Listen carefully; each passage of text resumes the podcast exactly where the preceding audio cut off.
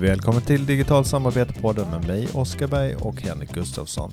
I det här avsnittet så har Henrik bjudit in en gäst, Maral Babapour, och de kommer bland annat prata om vilken påverkan platsen och arbetssätten har på vår kreativitet, hur VR och AR kan komma att påverka kunskapsarbete framåt och om kontoret först är en exkluderande strategi eller inte. Så, återigen välkommen!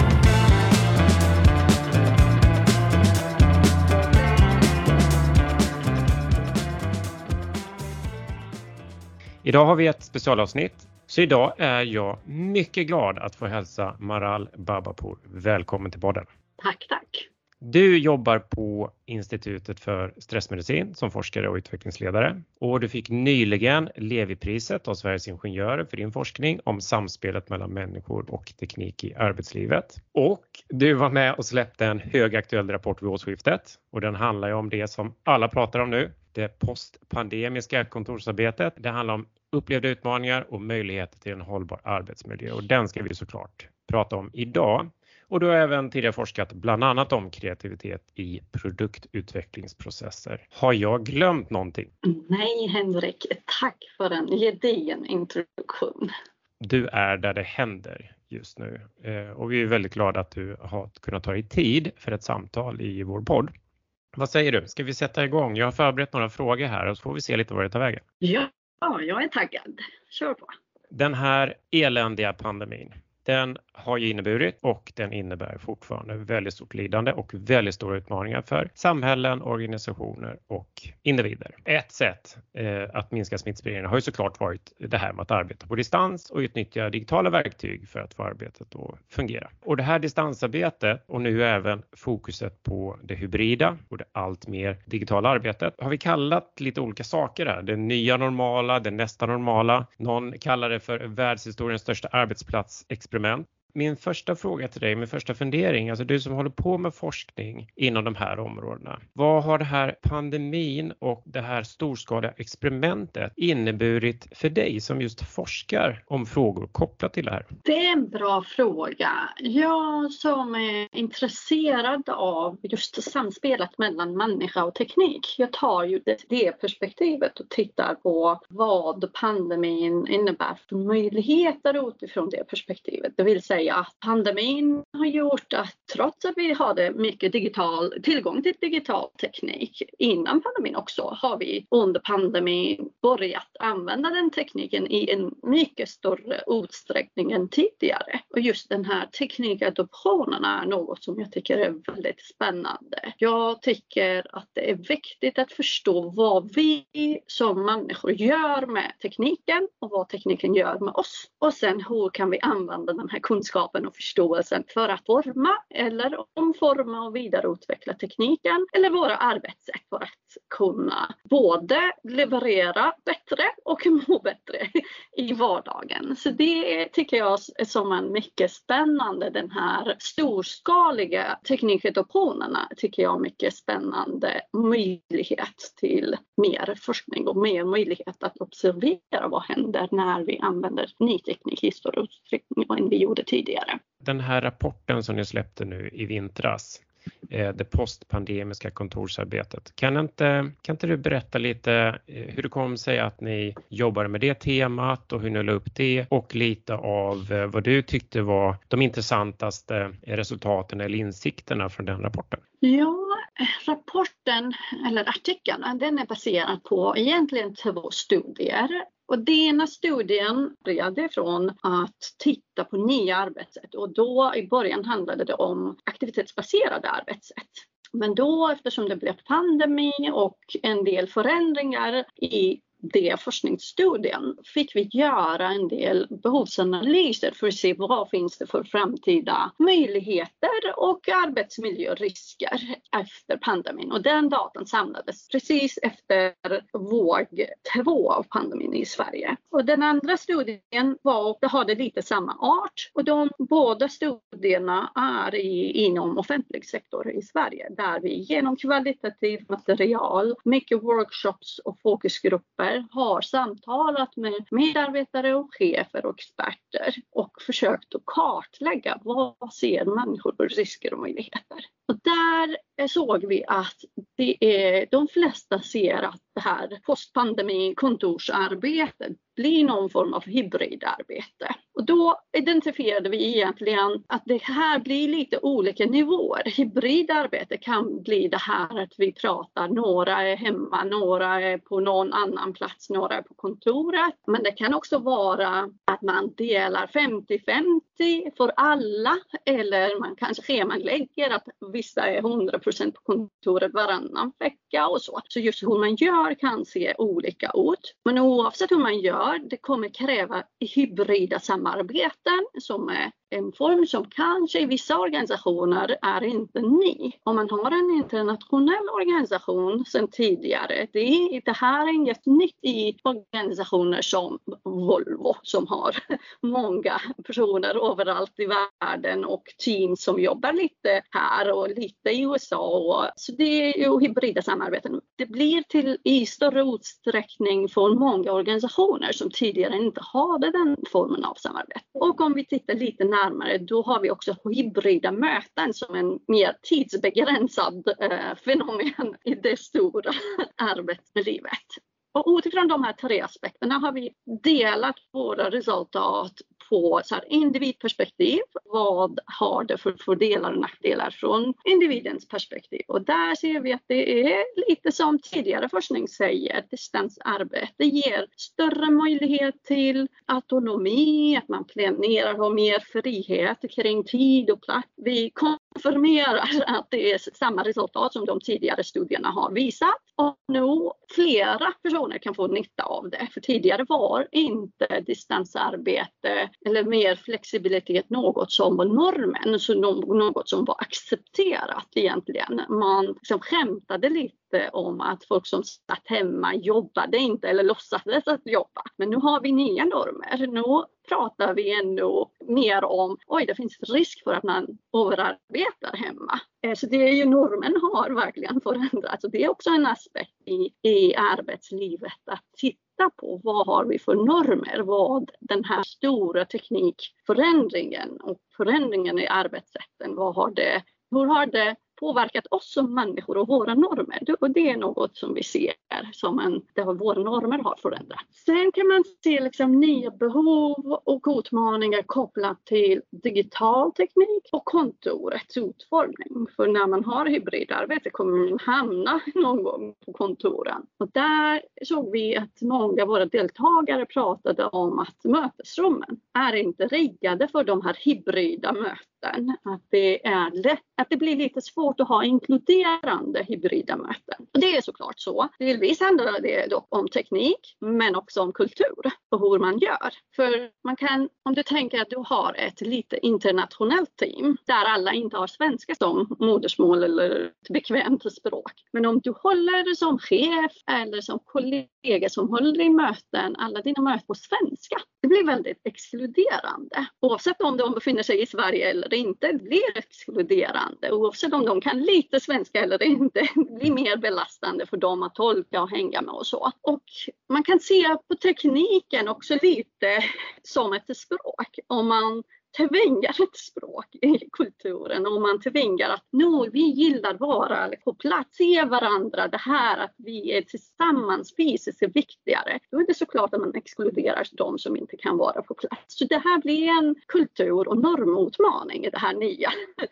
Att hitta normer som är inkluderande och generösa. Det tror jag är en risk som besannades på ett sätt. Jag ser att Eh, lite så här trender att det finns risk för den här exkluderingen att man eftersom man som chef eller som mötesledare har en viss, viss preferens, då gör man eh, vissa val som lättare kan inkludera men också kan exkludera deltagare. Sen finns såklart, eftersom man eh, kommer ha fler digitala möten i kontor än man hade innan pandemin, då kommer just kontorets utformning vara en stor fråga eftersom många kontor sedan 10-20 20 år sedan har gjort mer öppnare ytor, öppnare landskap, då blir det svårt att hitta lokaler som passar. Och vi ser också att många som sa att de föredrar att jobba hemma eller på distans. Det var mycket på grund av att man fick gjort mer, att man slapp alla distraktioner som man har i vanliga öppna landskap. Och då spelar det ingen roll om det är aktivitetsbaserat kontor eller vanligt öppet landskap. Just liksom att det är smidigare att du kommer direkt och kan när du vaknar någon minut efter att du har gått upp kan börja jobba och slippa distraktioner är en, en smidighetsfaktor som också ökar produktiviteten. Man sen finns andra risker också hem, vid hemarbete, att hålla en bra ergonomi om man har en god arbetsplats hemma. Och sen de riskerna som finns i de digitala gränssnitten. Om vi liksom lyckas med alla de fysiska prylarna, finns det digitala gränssnittet och hur vi använder, hur vi bokar våra, våra möten och hur vi riggar och organiserar arbetet så att det inte blir kognitivt belastande. Det är också en aspekt som man får verkligen, både när man designar tekniken men också när man planerar teknikanvändningen får man tänka på. Vi har också en hel del risker kopplat till grupp och ledarskapsperspektiv men jag lämnar det till dig att ställa eh, frågor om dem. Så jag tycker det är så himla intressant. Jag, jag, sitter bara och lyssnar här och antecknar lite. Vi springer ju över stora områden här där vi kan göra nedslag på olika sätt. Men det, det första reflektionen där som du var inne på är ju superintressant. Det är ju hur olika olika organisationer har reagerat på det här nya distansarbetet. Du, du nämner ju exemplet att för vissa var det här ingen förändring alls. Och, och jag ska ha i podden också lyft fram de arbetssätt och normer och så som finns i distribuerade organisationer som kanske aldrig någonsin träffar varandra. Det finns liksom inte ens något huvudkontor eller något kontor någonstans. De har ju i många år jobbat fram sätt att inkludera, att vara sociala, att kunna vara effektiva och så vidare. Det finns ju jättemycket att, att, att lära sig där. Och sen har vi den andra ytterligheten då som, som verkar mer eller mindre helt oförberedd på den här förändringen och blir helt ställda när de inte kan jobba så som de är vana vid och när de börjar då försöka använda digitala möten och, och andra verktyg så försöker de omsätta sina kontorsarbetssätt i det digitala. Och varje dag fylls av möten till exempel, allting ska göras i möten. Så det är en enorm spännvidd och vi ser ju också den skillnaden i valen man gör när pandemin börjar klinga av där en del säger ja men det är vår kultur att träffas och det, det är bara där vi, vi verkligen kan, kan vara kreativa och så vidare. Medan andra eh, lägger ner kontoren då som är, som är lärdom. Men det stora flertalet är någonstans mittemellan och försöker testa sig fram. Så det var en, en jätteintressant sak tycker jag och det här med inkludering i möten. Det klassiska är väl att man har några stackare på distans på ett möte i någon telefon eller högtalarpuckel och sånt som försöker hänga med, höra vad som sägs och förstå vad, vad folk ritar på tavlor och, och så vidare. Men är det något perspektivbyte som krävs här att de som ordnar möten och att de som faktiskt sitter tillsammans börjar försöka sätta sig in i de andra deltagarnas perspektiv? Ja, det är en strategi som är välbehövlig. Jag tänker att det handlar också inte bara om att det är på distans eller inte. Det handlar också om att människor har olika funktionsvariationer. Det kanske sitter en person antingen fysiskt på plats eller digitalt som har hörselnedsättning. Det fungerar inte bra om de som sitter i rummet viskar och så. Man får ha liksom, inkludering som ett tema som inkluderar både utifrån var människor sitter men också vad de har för förutsättningar, vad de har för funktionsvariationer, möjligheter så att alla kan delta på lika villkor. Och det kan vara lite lättare att förstå när man pratar om funktionsvariationer men mycket svårare att acceptera när man pratar om folk som sitter på distans eller inte. Och det är något som jag tror man behöver fundera som organisation och verkligen liksom ha någon form av uttalad vision. Vill, vad vill man vara som organisation? Vill man vara en organisation som säger fysiskt på plats, IRL först. Det spelar ingen roll vad andra gör och liksom, ni, ni, ni kan få jobba på distans men fysiskt först, vi värdesätter de som är på plats. Det är ju okej okay om man väljer strategin, det är inte inkluderande. Men då får man liksom verkligen uttala den och acceptera att det blir exkluderande på många sätt. Som det är nu ser jag att många inte riktigt vågar formulera tydliga, det här är vi, det här är vår kultur och norm och att det blir lätt många outtalade förväntningar och krav på varandra. Nu flyttar vi till nästa tema som handlade om det här gruppperspektivet för att hur man förväntar sig av sina kollegor. När ska man vara på plats och hur och så. Det, det skapar en del friktion och en del som sagt otalade krav och förväntningar som kan i längden sabba gruppdynamiken om man inte tar tag i de aspekterna. Och om man inte är förlåtande och generös och förstår de olika behoven. Det är helt, det många inte kan jobba på distans eller gillar inte jobba, det är en preferens definitivt. Och många tvärtom jobbar mycket bättre hemma och vill göra det. Och de preferenserna, jag tror inte i samhället vi är på, på en plats där vi kan förstå de preferenser och acceptera dem. I vissa organisationer finns lite friktion och lite svårighet för att acceptera och möta de helt olika preferenserna. Och då blir det lätt att det så här på varandra att ah, du var inte på plats, vi sa det här, nu, har, nu måste vi säga det här igen för att du inte var på plats. Alltså, du vet, det är så många sådana situationer som inte är bra ur ett arbetsmiljöperspektiv, tänker jag, som inte skulle vara ett problem om man hade mer digitalt inkluderande arbetssätt. kan man fundera. För det här att kunna helt gå, återgå till ett arbetssätt som innan pandemin, det ser jag som en nästan omöjlig utmaning att eh, sikta för. Det kommer ju, som du också var inne på, olika studier, rapporter och undersökningar om hur det går med arbetet och hur vi lyckas ställa om. Och en vanlig frågeställning som varit i flera rapporter det senaste året det är vad har du upplevt som svårt under distansarbetet? Det är liksom en fråga som man har ställt till många och det är en väldigt relevant fråga och svaren är kanske inte så överraskande. Man lyfter fram saker som att eh, det är svårt att vara kreativa tillsammans på distans, det är svårt att få till spontana möten, det är svårt att förstå vad andra håller på med utanför teamet. Det kan vara utmanande att bygga relationer och kultur och så vidare vidare. Det jag blir förvånad över är då kanske slutsatsen utifrån det här materialet att, att många då tolkar som att om det här är svårt då måste vi tillbaka till kontoret för att göra det här, att vara kreativa tillsammans till exempel. Men är det en, en hållbar väg i hur vi behöver samarbeta inom eh, stora verksamheter och med, med nära kunder och leverantörer? Vi kommer ju inte att träffa alla de som vi behöver träffa för att samarbeta bara för att vi tar oss till kontoret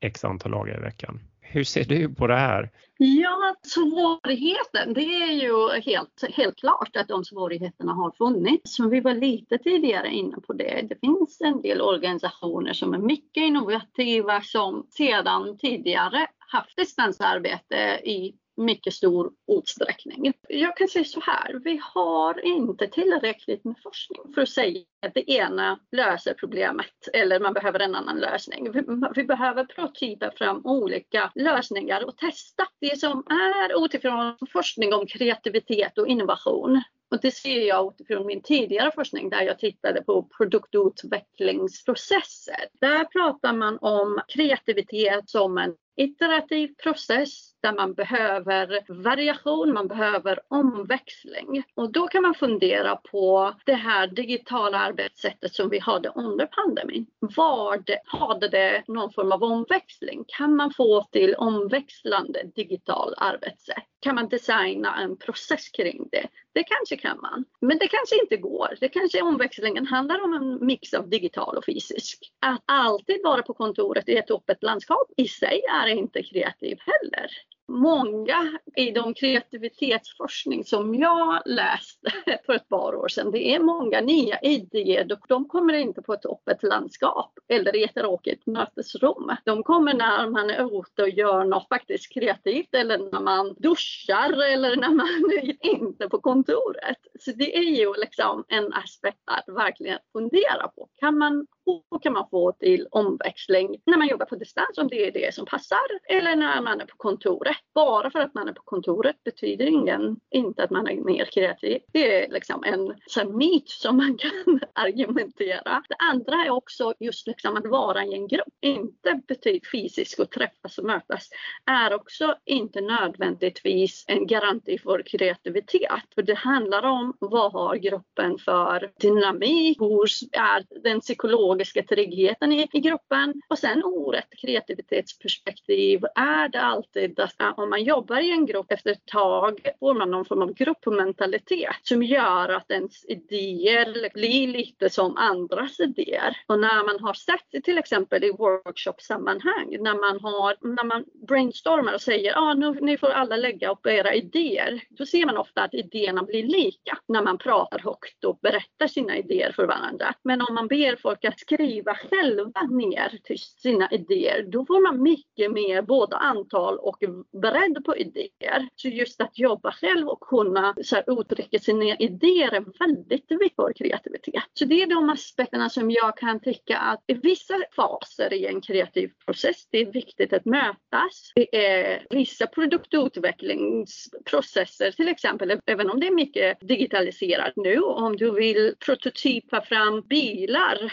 eller vad som helst. Då, även om du gör dina 3D-modeller och även om du har dina VR-modeller, det är någon gång måste du göra fysiska modeller. Det är ju där, där måste man faktiskt träffas och göra handarbete, gå in och, och sitta och känna och så. så det, liksom, det kan man inte gå ifrån. Men mycket av arbetet kan man ändå rigga digitalt och då får man experimentera. Det är en viktig aspekt i kreativitet är inkubationstid. Det här arbetssättet som vi har haft under pandemin med back-to-back-möten utan någon form av inkubationstid sabbar såklart. Det är definitivt en svårighet som man pratar om. Men det är för att vi kanske inte har använt tekniken på ett sätt för att främja kreativitet.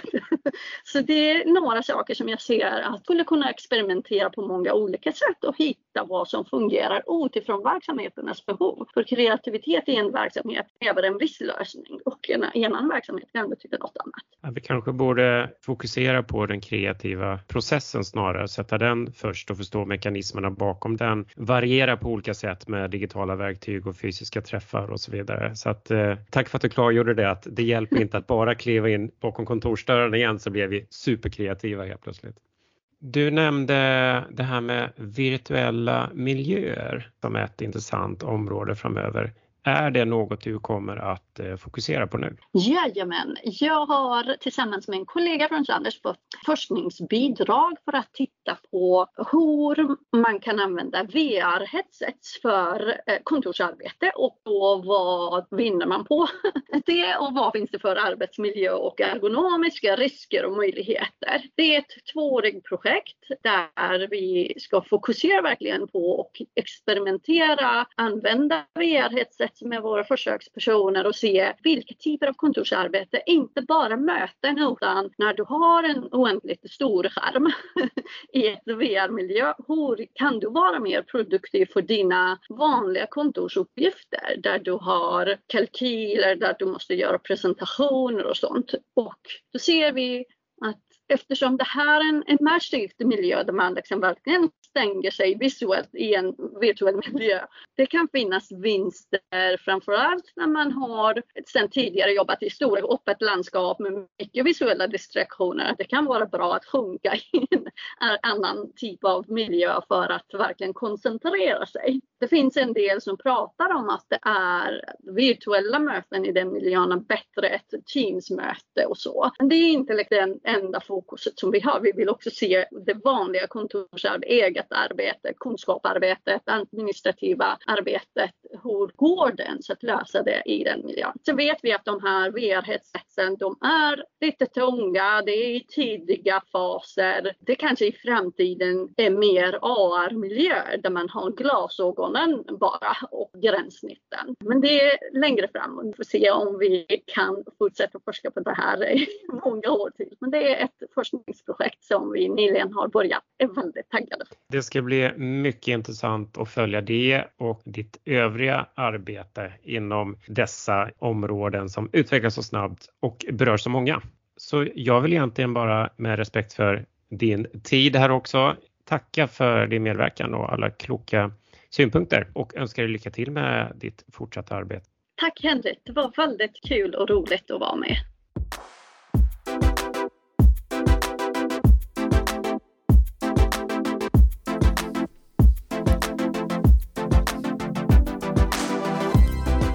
Ja, det är härligt att peta hål på bubblan ibland och få in lite nya perspektiv och eh, tankar in i vår samtalsprocess där vi poddar fram en ny bok, Henrik och jag.